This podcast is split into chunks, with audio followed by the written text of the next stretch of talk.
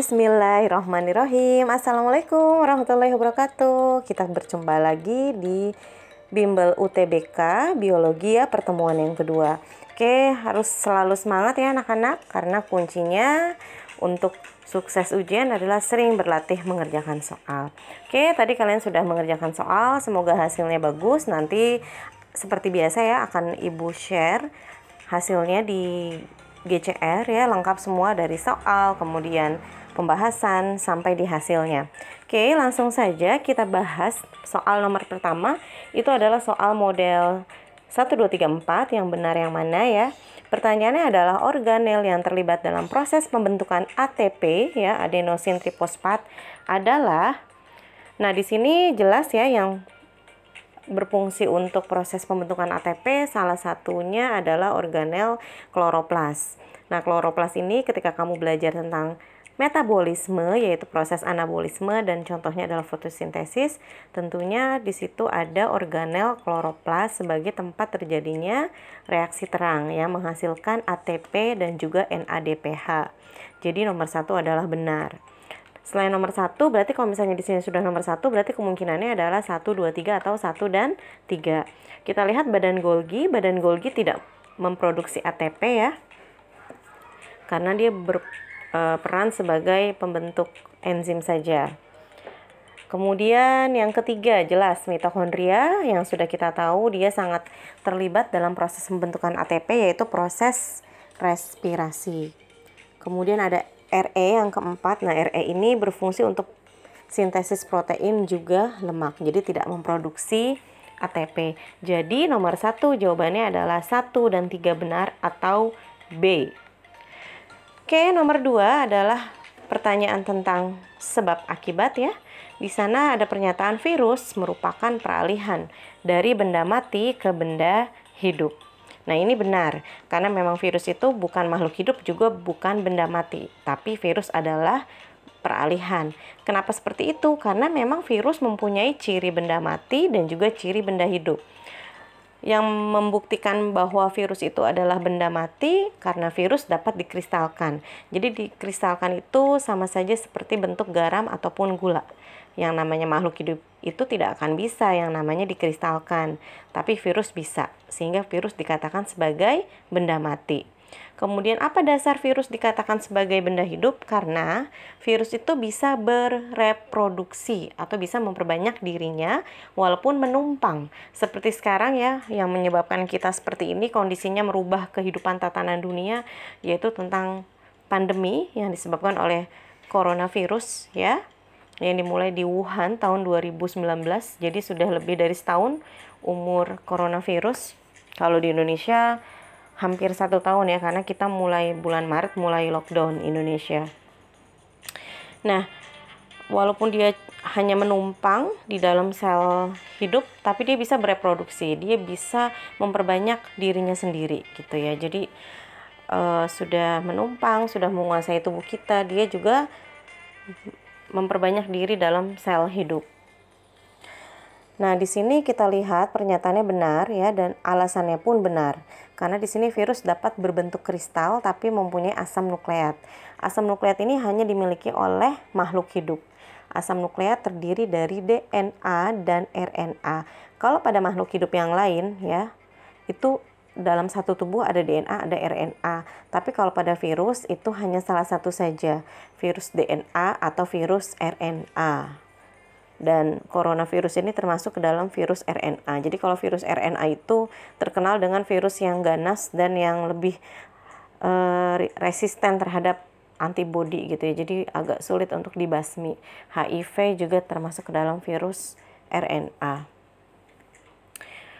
Jadi nomor dua itu pernyataan benar, alasan benar, dan keduanya ada sebab akibat. Jadi jawabannya adalah A ya, anak-anak. Next nomor tiga, nomor tiga ini tentang lichen. Wah sering sekali dibahas tentang lichen atau lumut kerak ya.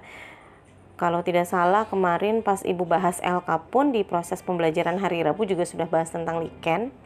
Jadi lichen atau lumut kerak ini kamu harus tahu yang mana yang benar pernyataannya dari A sampai E. Intinya lichen ini adalah suatu bentuk simbiosis atau hubungan antara dua spesies yang berbeda yaitu simbiosis antara alga atau ganggang jenis cyanobacteria atau ganggang hijau biru atau ganggang hijau atau chlorophyta dengan jamur atau fungi jenis ascomycota atau basidiomycota. Jadi jelas nomor tiga option dodol yang benar, yang D. Nah, selain itu yang sudah Ibu sering jelaskan, lichen ini disebut sebagai vegetasi perintis atau organisme pionir. Dia bisa hidup di mana tempat di mana makhluk hidup lain tidak bisa hidup di tempat tersebut. Misalnya setelah terjadi suksesi primer, semua lulu lantah karena bencana alam seperti misalnya gunung meletus, tidak ada yang bisa bertahan, habislah habitatnya dari makhluk hidup semuanya tiba-tiba beberapa tahun kemudian kembali hijau. Nah, diawali dari vegetasi perintis itu yaitu siliken atau lumut kerak. Nanti dilapukan batuan oleh lichen sehingga merubah menjadi tanah yang subur. Oleh karena itu mulai muncul lagi populasi yang lain ya seperti itu. Jadi nomor tiga yang benar adalah dodol. Lichen adalah simbiosis atau hubungan antara alga dengan jamur. Next nomor 4 Nomor 4 pertanyaan 1 2 3 4 ya. Jadi harus mulai menguasai option A, B, C, D, E itu apa saja. Di sini disajikan ciri hewan yang bertulang belakang atau mempunyai vertebrae atau vertebrata, kemudian berdarah dingin atau poikiloterm, bertubuh bilateral simetri. Jadi kalau dipotong hanya terdapat dua bagian yang sama dan memiliki kulit yang bersisik. Nah, ini jelas sekali adalah ciri dari reptil atau hewan yang melata. Nah, kalau kita lihat uh, vertebrata itu kan ada param ya, Pak. Param, P itu untuk Pisces, golongan ikan, ini juga sama, Poikiloterm berdarah dingin Kemudian A itu ada amfibi juga sama ya Poikiloterm. R yang ke uh, yang selanjutnya adalah reptil juga sama Poikiloterm. A yang kedua itu Aves, ini sudah Homoiterm atau hewan berdarah panas. Juga mamalia M-nya itu untuk mamalia juga sama Homoiterm. Jadi bedanya apa antara Homoiterm dengan Poikiloterm? Kalau Homoiterm itu hewan berdarah panas jadi suhu tubuh kita tuh selalu hangat. Jadi kalau kita pegang tubuh kita sendiri ini hangat saja. Pegang ta, eh, apa namanya teman kamu juga hangat gitu. Karena memang kita hewan berdarah panas. Begitu juga kalau kita pegang kelompok mamalia lainnya seperti megang kucing juga hangat tubuhnya. Kondisi homoiterm itu suhu tubuhnya selalu stabil. Jadi ketika kita kepanasan, maka kita akan berkeringat karena usaha tubuh untuk menurunkan suhu tubuh kita ketika kita kedinginan ya seperti sekarang nih musim hujan mulai datang dingin gitu ya kita akan menggigil. Menggigil itu adalah produksi tubuh untuk memproduksi panas sehingga kita tidak kedinginan. Tapi kalau hewan poikiloterm hewan berdarah dingin jadi kalau kita pegang badannya tuh biasa aja nggak hangat tidak seperti kita gitu. Mungkin kamu pernah pegang hewan reptil apa ya? Misalnya pegang katak waktu kemarin kalian kelas 11 praktek bedah katak ya yang sudah kita lakukan itu kan nggak nggak hangat gitu dingin. Karena memang mereka hewan berdarah dingin dan mereka suhu tubuhnya akan menyesuaikan di mana mereka hidup. Jadi misalnya kalau di ada di perairan yang dingin dia ikut dingin, di perairan yang agak hangat dia akan hangat ya. Jadi bedanya itu antara poikiloterm dan homoiterm. Kita kembali ke soal ya. Di sini sudah jelas kalau ini adalah ciri dari reptil. Oleh karena itu, tugas kita selanjutnya adalah kita melihat dari nomor 1 sampai nomor 4 yang mana yang termasuk reptil. Ular jelas, penyu juga iya, buaya juga iya. Ya, pernah kenal ya. Jadi yang benar adalah 1 2 3 atau A. Kenapa salamander enggak? Salamander itu mirip sekali dengan kadal ya. Tapi salamander ini termasuk ke dalam golongan amfibi ya jadi temannya katak cuman dia mempunyai ekor yang panjang atau seperti kadal tubuhnya oke nomor 4 jawabannya A atau 1, 2, dan 3 kemudian nomor 5 yaitu tentang sistem gerak. Di sini kita mempunyai rangka apendikuler atau rangka yang berfungsi untuk pergerakan tubuh. Kita punya tulang yang namanya tibia atau tulang kering. Letaknya di kaki ya kaki bawah yang berdampingan dengan tulang betis. Nah, tulang kering atau tibia ini karena dilapisi hanya kulit dan daging sedikit maka ketika terbentur waduh rasanya nikmat sekali ya mules gitu. Karena memang pelindungnya sedikit beda dengan betis kita yang penuh dengan otot dan lemak gitu. Jadi ketika terbentur aman. Nah tibia ini merupakan tulang pipa ya. Kalau tulang pipa itu bentuknya seperti pipa tibia tulang kering fibula tulang betis femur tulang paha kemudian ada bagian lengan, humerus, radius ulna itu semuanya tulang pipa. Nah, kalau tulang pipa itu kamu bayangkan kamu makan paha ayam ya. Paha ayam itu kan ada bagian ujung-ujung sama bagian tengah. Nah, yang bagian ujung itu kan e, lebih empuk ya, lebih lunak dibandingkan bagian tengah. Nah, bagian ujung yang empuk itu terdiri dari jaringan spons, tulang spons. Banyak rongga-rongganya sehingga memang lebih empuk.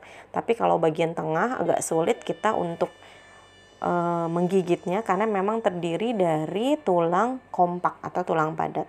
Nah, bagian yang ujung itu disebut dengan bagian epifisis. Ya, bagian ujung itu adalah epifisis, sedangkan bagian yang tengahnya itu yang keras itu adalah diafisis atau epifise atau diafise sama saja. Nah, di antara epifisis dan diafisis itu ada titik tengah ya. Hampir ke bagian epifisis ada yang disebut dengan cakra epifise atau di situ adalah bagian ininya uh, bagian pertumbuhannya ya metafise. Jadi antara epifisis dengan diafisis ada metafisis yang terdapat titik pertumbuhan tulang kita yaitu cakra epifise. Pernah ya kita bahas di kelas 11 Nah, di bagian epifisis inilah terdapat yang namanya sumsum -sum merah karena tempat produksi sel darah merah kita. Jadi jelas jawabannya nomor 5 adalah E atau epifisis. Kalau yang D itu periosteum itu adalah pembungkus tulang sebagai pelindung tulang ya. Kemudian tulang rawan ya tulang yang masih lunak ya yang terdapat pada beberapa tubuh kita seperti bagian daun telinga, cuping hidung itu tulang rawan. Endoskeleton ini adalah rangka dalam, ya manusia itu rangkanya adanya di dalam endoskeleton. Kalau exoskeleton itu contohnya adalah pada udang, kepiting, jadi rangkanya di luar. Kemudian ada A yang rongga medular itu ya bagian rongga-rongga dari tulang kita. Oke, nomor 6 tentang sistem transportasi atau pembuluh darah di sini ditanyakan tentang aliran yang paling lambat di mana? Ingat, kita mempunyai tiga pembuluh darah, arteri atau pembuluh nadi, kemudian vena atau pembuluh balik, dan kapiler atau pembuluh yang paling halus. Jadi, arteri itu mempunyai bagian aorta, ya yang option B, dan arteriol yang option A.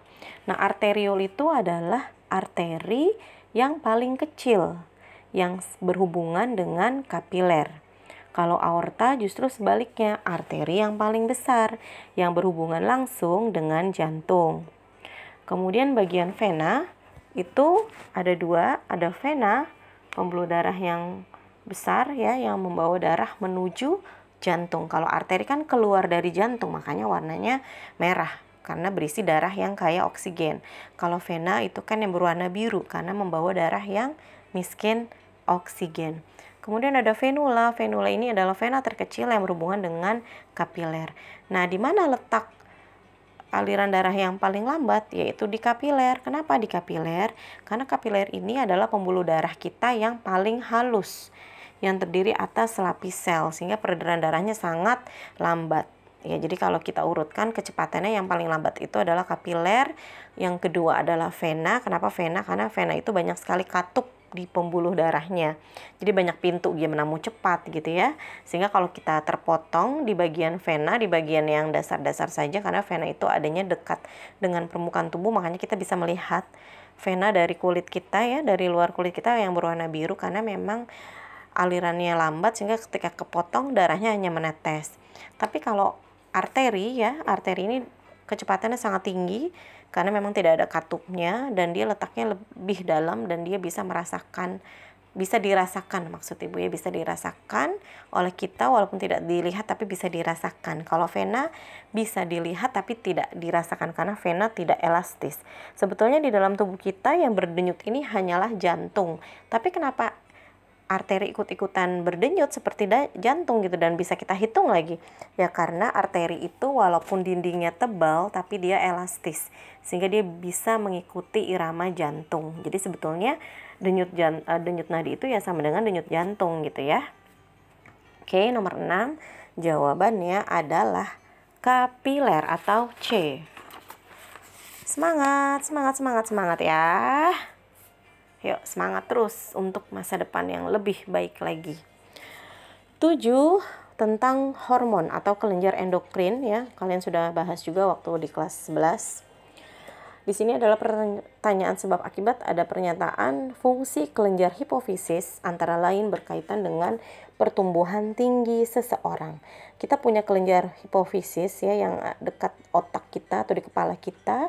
Dia disebut sebagai master of the gland. Jadi masternya dari kelenjar-kelenjar yang lainnya karena hipofisis inilah yang menyuruh kelenjar-kelenjar yang lainnya seperti kelenjar adrenal, kelenjar tiroid, paratiroid untuk menghasilkan hormon lagi. Jadi kalau misalnya kelenjar hipofisisnya kacau ya semuanya juga jadi kacau karena dia masternya di hipofisis.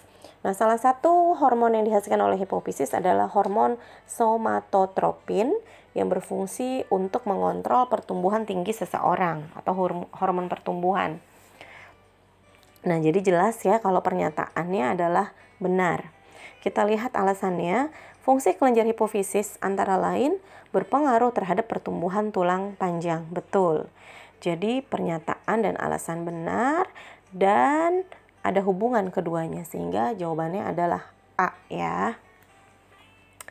Oke, next nomor 8 tentang plante atau tumbuhan.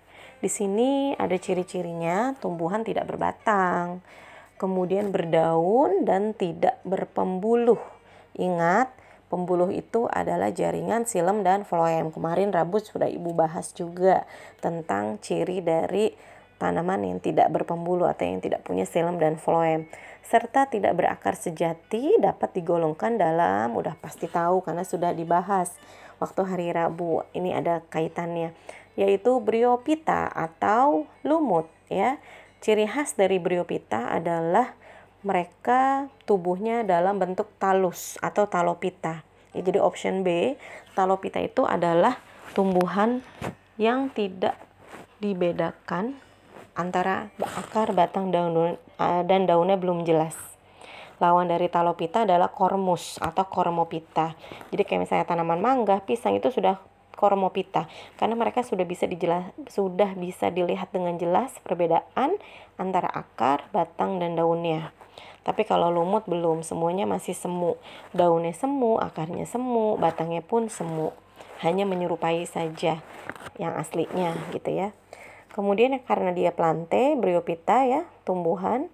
Jadi bryopita pun sudah berklorofil, sudah bisa berfotosintesis. Ingat, generasi yang dominannya adalah gametofit. Jadi kalau kalian sering lihat lumut, itu adalah bagian gametofitnya. Nanti kalau lihat kelompok uh, paku atau teridopita yang depan perpus ya, ada pohon mangga. Di sana banyak sekali bernempel yaitu si paku tanduk rusa salah satu jenis spesies dari paku yang kalian lihat sehari-hari itu justru spermatopitanya, generasi penghasil sporanya. Jadi berlawanan sekali dengan lumut. Ya, jadi jawabannya adalah dodol atau bryopita. Nah, kalau alga yang A, option A itu adalah protista. Jadi alga ini bukan tumbuhan, dia baru protista mirip tumbuhan. Kenapa disebut dengan mirip tumbuhan? Karena memang sudah mempunyai klorofil sehingga bisa berfotosintesis. Kenapa nggak masuk ke tumbuhan aja? Karena masih talus, belum bisa dibedakan akar, batang, dan daunnya. Yang B tadi sudah ya. Yang C gymnosperme. Gymnosperme ini adalah tumbuhan berbiji terbuka. Jadi kayak melinjo. Yaitu biji, tidak ada buahnya. Pinus itu gymnosperme juga. Dan yang E Pteridophyta adalah paku ya. Sering disandingkan dengan Bryophyta atau lumut. Oke, nomor 9 masih tentang pertumbuhan pada tumbuhan ya. Di sini pernyataannya adalah batang tumbuhan monokotil dapat membesar akibat adanya aktivitas kambium. Waduh, ini salah besar karena yang namanya monokotil itu dari kelas 10 kalian sudah belajar, kelas 11 waktu itu Ibu ingatkan monokotil itu tidak bisa mengalami penebalan sampai besar atau uh, tidak bisa mengalami pertumbuhan sekunder karena pertumbuhan sekunder itu menyebabkan batang menjadi lebar.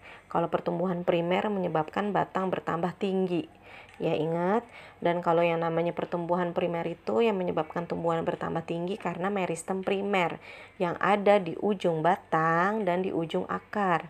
Sedangkan kalau pertumbuhan sekunder disebabkan oleh meristem sekunder atau e, kambium ya yang mengakibatkan tanaman itu bertambah lebar dan berkayu. Ya, jadi kalau monokotil itu tidak pernah ada yang namanya kambium sehingga pernyataan di situ adalah salah. Kita lihat alasannya. Kambium merupakan jaringan yang berperan terhadap pertumbuhan sekunder batang. Betul ya. Jadi pernyataannya salah. Alasannya benar yaitu option D ya, dodol. Dan nomor terakhir, nomor 10 yaitu tentang formula kromosom ya. Sering kita bahas kemarin ya. Masih materi belum lama ini materi di material genetika yaitu tentang formula kromosom. Yang ditanyakan adalah kromosom ovum. Ingat, kita dalam tubuh kita itu ada dua kromosom, kromosom tubuh atau autosom dan kromosom kelamin atau gonosom.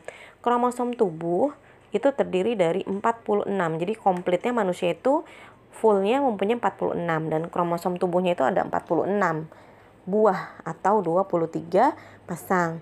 Sedangkan yang namanya kromosom kelamin atau gonosom itu terdiri dari setengahnya dari kromosom tubuh. Jadi kalau setengah dari 46 itu berapa? 23. Jadi kromosom kelaminnya ada 23 buah ya, bukan pasang. Nah, jelas di sini yang ditanyakan adalah ovum. Ovum itu adalah kromosom kelamin, berarti jumlahnya adalah 23. 23 itu dari mana? Dari 22 autosom atau 22A formulanya ya plus X. Karena manusia itu eh maaf, bukan manusia maksudnya karena karena kalau perempuan itu kromosomnya hanya satu jenis yaitu X. Ya, kalau misalnya ditanyakan bagaimana formula sperma? Kalau sperma adalah 22A plus X atau Y kita pakai atau Y. Kenapa? Karena sperma itu mempunyai kromosom kelamin dua jenis yaitu X dan Y. Oke, semoga paham. Kalau misalnya ditanya, berapakah formula sel rambut ayu? Nah, sel rambut ayu itu kan sel tubuh. Berarti 46 buah atau 23 pasang. Jadi formula dari sel rambut ayu adalah 44A ya plus X X. Jadi 44 tambah X, X, X, X itu 2. Jadi 44 ditambah 2 jadi 46. Atau 22 AA, itu menunjukkan 22 pasang. Kalau tadi 44 A, A itu menunjukkan buah. Kalau A itu buah, AA itu pasang. 22 AA plus XX. Jumlahnya juga ada 46. Atau misalnya ditanyakan untuk sel rambut Imam Zaki. Karena laki-laki berarti 22AA plus XY. Atau 44A plus XY ya. Seperti itu. Semoga kalian paham ya anak-anak dengan materi hari ini dan semoga setiap uh, bimbel semakin meningkat nilainya. Oke? Ya, terima kasih yang sudah selalu rajin untuk mengikuti bimbelnya. Manfaatkan kesempatan yang ada dan semoga kalian nanti berhasil ya mendapatkan kampus impian kalian. Semangat terus. Mohon maaf atas segala kekurangan. Doa Ibu selalu menyertai kalian. Semoga kalian sukses dunia dan akhirat. Amin amin ya robbal alamin. Wassalamualaikum warahmatullahi wabarakatuh.